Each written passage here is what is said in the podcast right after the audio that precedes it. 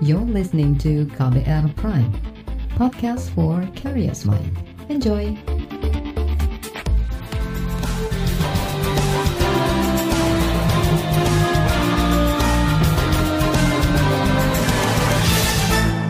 Halo saudara, senang sekali kami bisa menyapa Anda kembali dalam program KBR Sore, edisi Selasa 23 Februari 2021.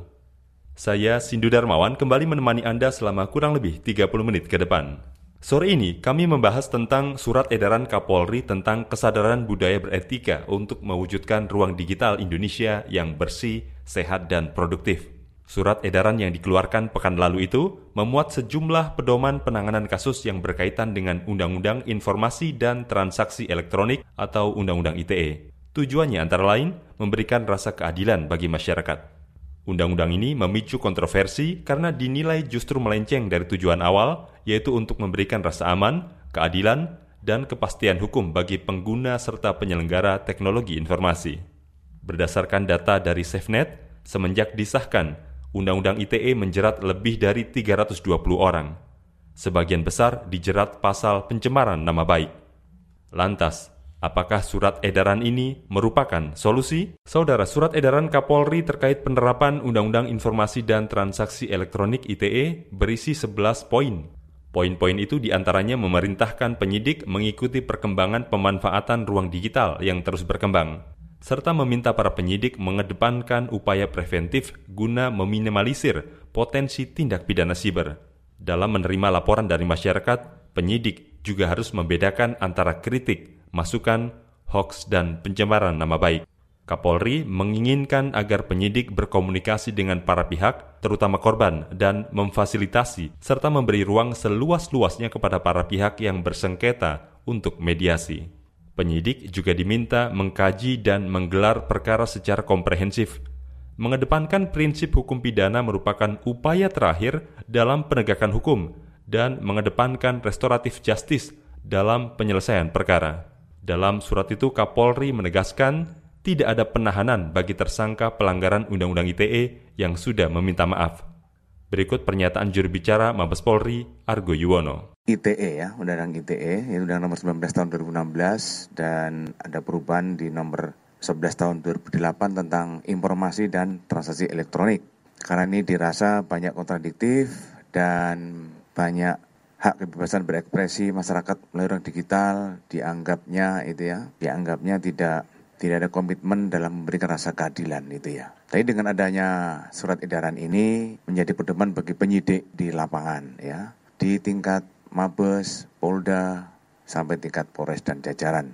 Bahwa dalam rangka ya untuk menegakkan hukum yang berkeadilan ini sesuai dengan presisi Bapak Kapolri untuk khusus kasus Undang-Undang ITE ya, ini tentunya bahwa Polri mengedepankan edukasi ya dan persuasif kita kedepankan itu ya sehingga nanti kita bisa mendapatkan atau menghindari dugaan adanya kriminalisasi terhadap orang dilaporkan serta dapat menjamin ruang digital Indonesia ini tetap bersih, sehat ya, kemudian beretika dan produktif. Itu. Itu intinya itu.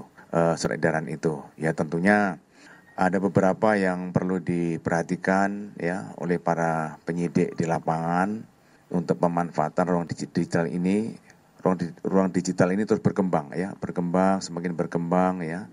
Tentunya kita harus menggunakan budaya etika yang baik ya di dalam kita memanfaatkan ruang digital itu itu. Itu tadi juru bicara Mabes Polri Argo Yuwono.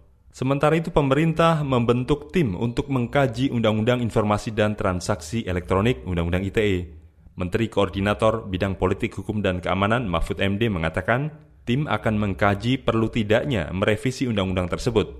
Kajian rencananya memakan waktu tiga bulan melibatkan akademisi, praktisi, aktivis, kelompok media, hingga para korban Undang-Undang ITE. Presiden mengarahkan untuk dilakukan kajian terhadap Undang-Undang ITE yang oleh sebagian masyarakat dinilai perlu direvisi atau dikaji ulang karena katanya ada pasal-pasal yang bersifat karet. Oleh sebab itu Presiden mengarahkan dua hal.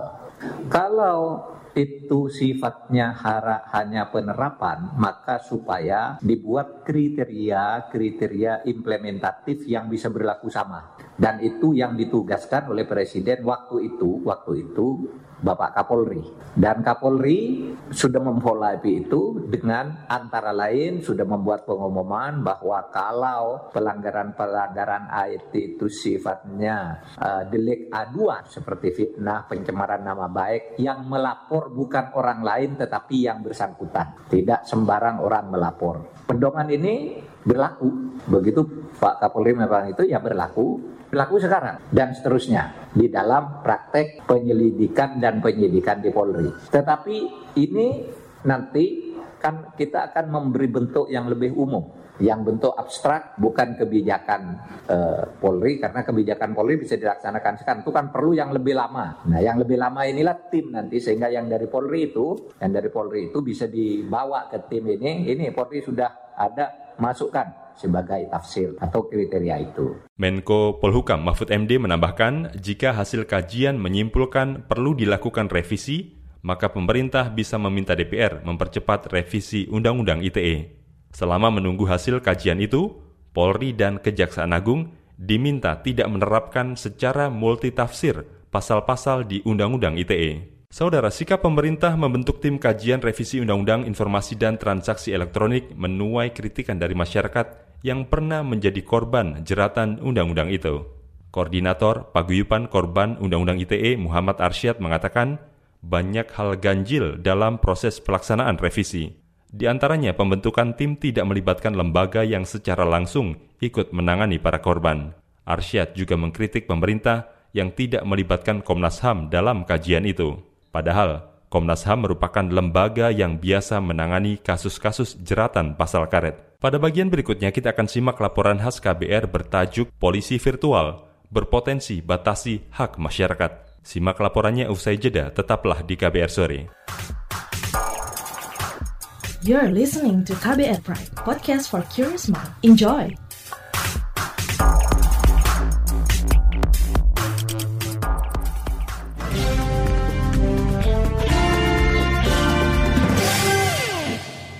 Saudara Polri berencana melakukan patroli di dunia maya, menegur dan mengedukasi ancaman hukum atas tindakan yang melanggar Undang-Undang ITE. Alih-alih membangun suasana sehat di dunia maya, ada potensi hak masyarakat dalam berpendapat semakin dibatasi. Berikut laporan KBR yang disusun jurnalis Siti Sadida Hafsyah. Markas Besar Kepolisian berencana lebih aktif melakukan patroli di dunia maya. Polisi virtual akan menegur dan mengedukasi masyarakat, terutama pengguna media sosial di dunia maya, soal undang-undang tentang informasi dan transaksi elektronik atau UU ITE, termasuk menjelaskan potensi pelanggaran pasal dan ancaman hukuman jika masyarakat mengunggah konten-konten tertentu. Dalam rapat pimpinan Polri 16 Februari lalu, Kapolri Listio Sigit Prabowo mengklaim pembentukan polisi virtual dan patroli di dunia maya dilakukan untuk menghindari perpecahan dengan tetap menghormati kebebasan berpendapat. Khususnya untuk Polri agar selektif dalam menerapkan pasal-pasal dalam Undang-Undang ITE dalam rangka memberikan rasa keadilan dengan langkah mengedepankan edukasi dan langkah persuasif melalui mediasi maupun restoratif justice sehingga dapat menghindari kriminalisasi dengan penggunaan pasal-pasal karet untuk menjamin ruang digital Indonesia agar tetap bersih, sehat, beretika, dan produktif. Langkah polisi ini menuai kontroversi. Ada yang mendukung, tapi tidak sedikit yang mengkritik. Yohana Cavela, seorang wirausaha muda di Bali mendukung rencana Polri. Menurutnya, polisi virtual dapat mendorong masyarakat lebih beretika dalam berkomunikasi di jagat maya. Aku ngebayanginnya polisi cyber sama kayak polisi lalu lintas deh apa bedanya? Polisi itu juga nggak membatasi. Kita nggak boleh ya berekspresi di sosial media gini gini gini gini. Mungkin mereka lebih ke mengawasi ada beberapa aturan yang nggak boleh dilanggar ya. Misalnya tidak boleh menyinggung soal misalnya nih sara atau konten yang mengandung pornografi kayak ditegesin. Aku sih ngebayanginnya kalau polisi cyber tuh lebih ke kayak gitu gitu kayak polisi lalu lintas aja gitu cuman kalau polisi lalu lintas kan juga nggak membatasi kita yang oh kamu mau ke mana nggak gitu kan dia cuma lebih kayak kalau kita melanggar kita diberhentiin kayak oh uh, tahu nggak salahnya uh, pelanggarannya apa. Pendapat berbeda dilontarkan Batilael Chris Witt, mahasiswa Universitas Multimedia Nusantara Jakarta ini menilai patroli yang akan dilakukan polisi virtual dapat mengancam kebebasan masyarakat dalam berpendapat. UU ITE saja menurutnya sudah sangat membatasi sekarang saja UU ITE itu sudah menyasarnya itu ke mana-mana gitu karena terlalu karet gitu. Ada bisa menyasar ke yang satu inilah ke mana lah segala macam gitu. Jadi bisa dikaitkan ke segala macam hal yang ada yang penting ada di, di internet kayak gitu. Jadinya agak sedikit mengkhawatirkan si UU ITE ini. Jadi that's why harus yang diperhatikan dulu adalah masalah UU ITE ini gitu dalam masalah kebebasan berpendapat gitu. Nah memang sih bebas sih boleh tapi ya emang harus ada aturannya. Cuma ya masalah UU ITE ini harus benar-benar diberi perhatian khusus kayak gitu Lembaga Pegiat Kebebasan Berekspresi di Internet SafeNet mengapresiasi upaya Polri menjaga lingkungan yang sehat di dunia digital. Meski begitu, Direktur Eksekutif SafeNet Damar Yuniarto menilai langkah Polri berlebihan jika sampai masuk ke ranah pribadi masyarakat ruang warga ketemu warga kan tidak harus dengan ke polisi. Ini saya ambil ilustrasi sehari-hari ya. Misalnya tetangga sama tetangga ribut, apa yang terjadi di ruang hari-hari kita? Datangnya ke Pak RT,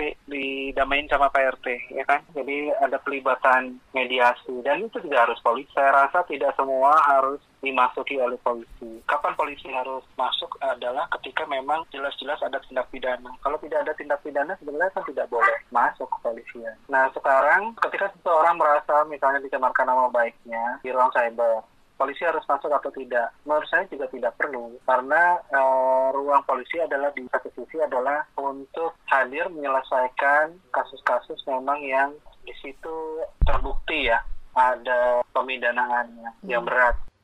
Damar juga menilai tindakan Polri ini akan membuat masyarakat menjadi tidak nyaman berekspresi, khususnya di media sosial. Tanpa polisi berkeliling pun, situasi yang dirasakan oleh masyarakat sekarang itu adalah suasana ketakutan.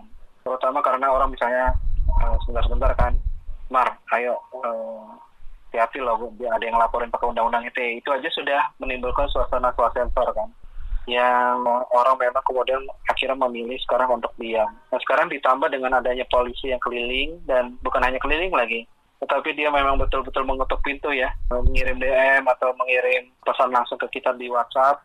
Saya rasa di situ akan agak sulit dibayangkan kalau kemudian yang tercipta adalah suasana yang uh, sehat. Yang ada sih orang tambah ketakutan. Damar Juniarto khawatir upaya Polri ini berpotensi membatasi hak masyarakat mengekspresikan pendapatnya di dunia maya. Laporan ini disusun Siti Sadida. Saya Fitri Anggreni. Saudara Dewan Perwakilan Rakyat DPR menilai peluang revisi Undang-Undang ITE masih terbuka lebar meski sudah ada surat edaran Kapolri dan pembentukan tim kajian oleh Menko Polhukam. Simak perbincangan dengan Wakil Ketua Badan Legislasi DPR, Willy Aditya, sesaat lagi. Tetaplah di KBR Sore.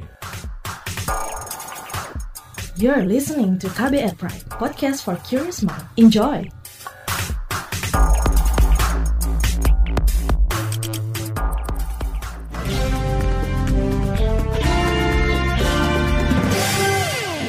Terima kasih Anda masih bersama kami di KBR Sore.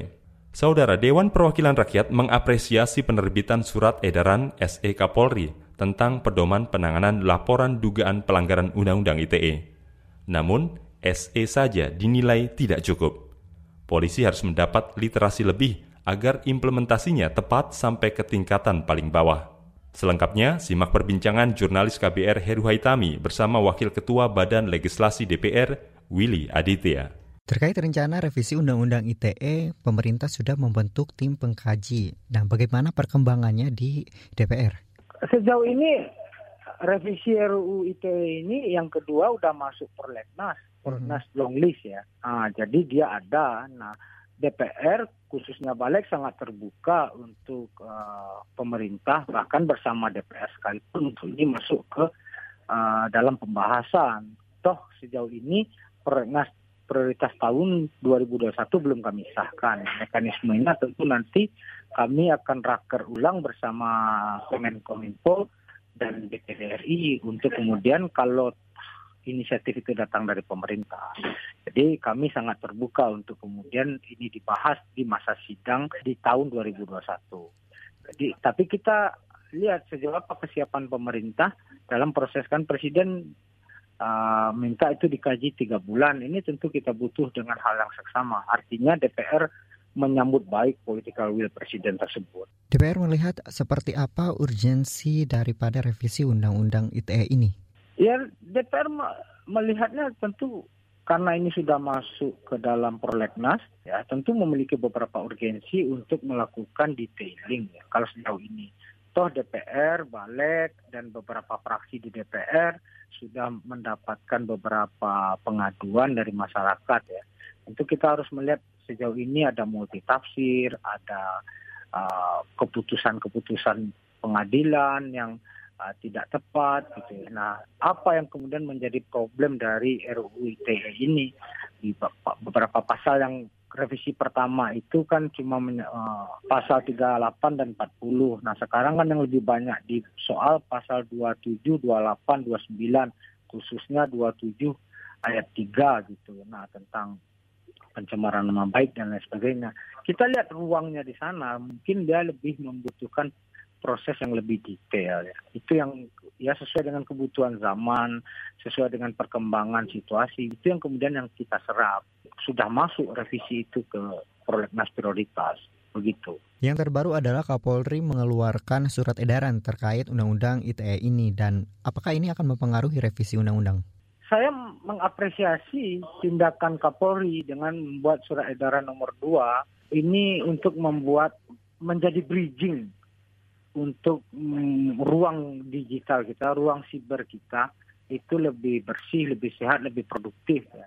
Jadi tentu kami DPR, khususnya kami dari Balik, mengapresiasi uh, surat edaran Kapolri ini bisa menjadi jembatan, bridging uh, terhadap uh, situasi dan re quick respon yang uh, merujuk kepada apa yang disampaikan oleh Presiden. Tentu ini untuk bagaimana kalangan Polri ya, Nah, sebagai payung hukum itu cuma kalangan Polri sendiri, tentu payung hukum yang lebih komprehensif undang-undang. Nah, di sana relevansi dari revisi undang-undang ITE itu sendiri. Jadi ini sebagai sebuah obat cukup inilah cukup memadai lah untuk terjadinya proses yang diinginkan presiden itu kan terjadinya diskresi kepolisian itu ya benar-benar menjadikan itu mediasi lah ya. Tidak harus diputus langsung gitu. Nah ini fungsi Polri yang kemudian diminta oleh presiden itu kan di sana.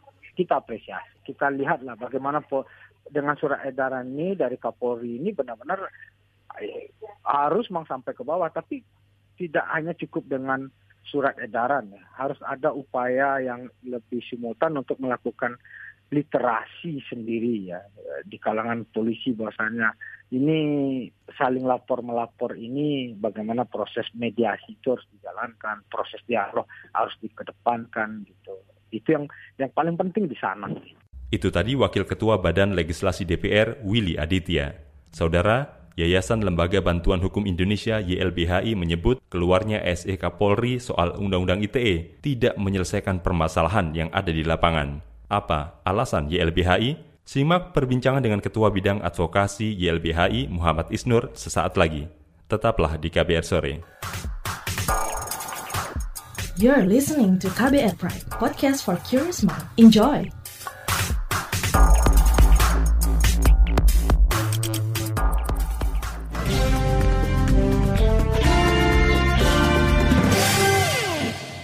Anda masih mendengarkan KBR Sore. Saudara, Yayasan Lembaga Bantuan Hukum Indonesia YLBHI meminta penerbitan surat edaran Kapolri diimbangi dengan pengawasan penerapannya di lapangan.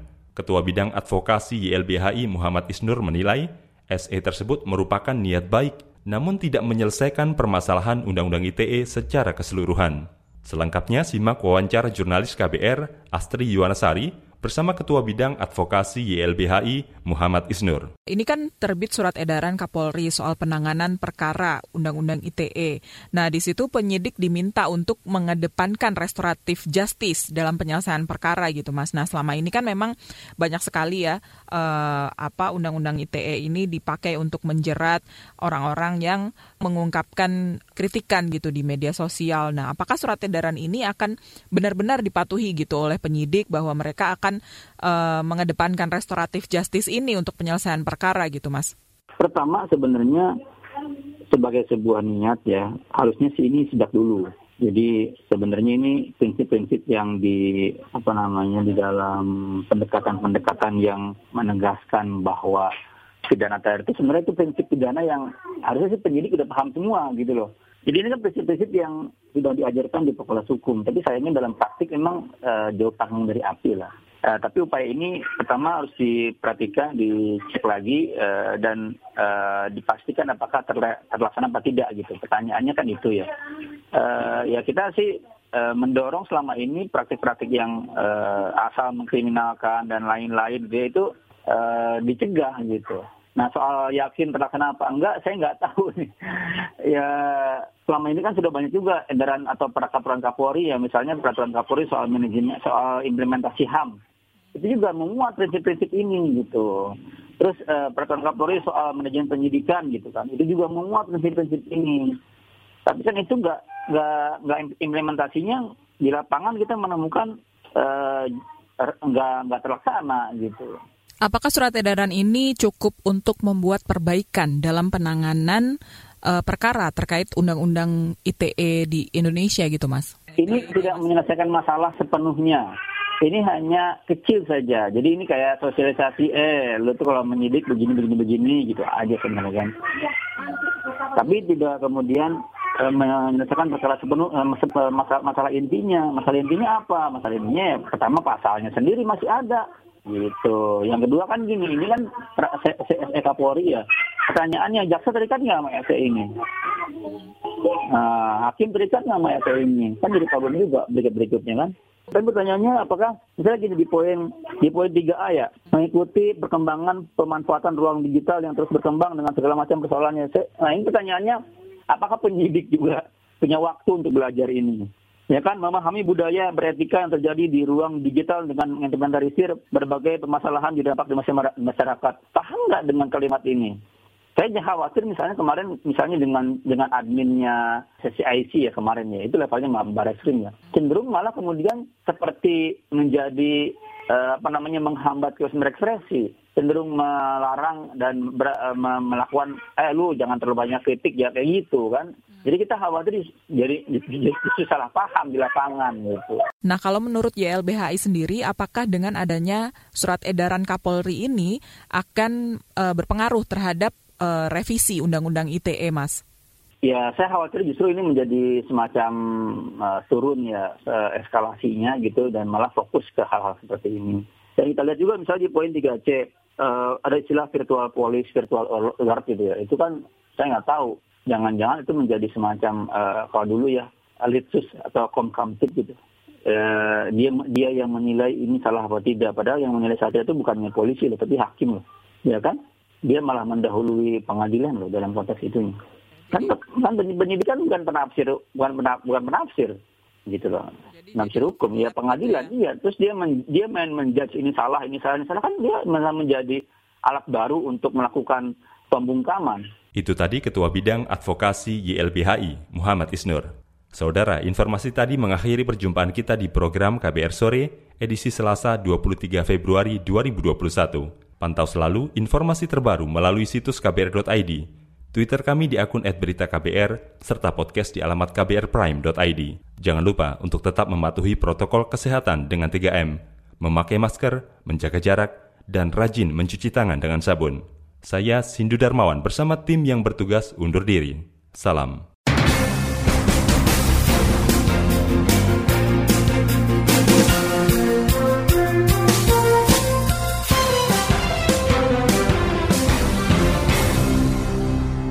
KBR Prime, cara asik mendengar berita.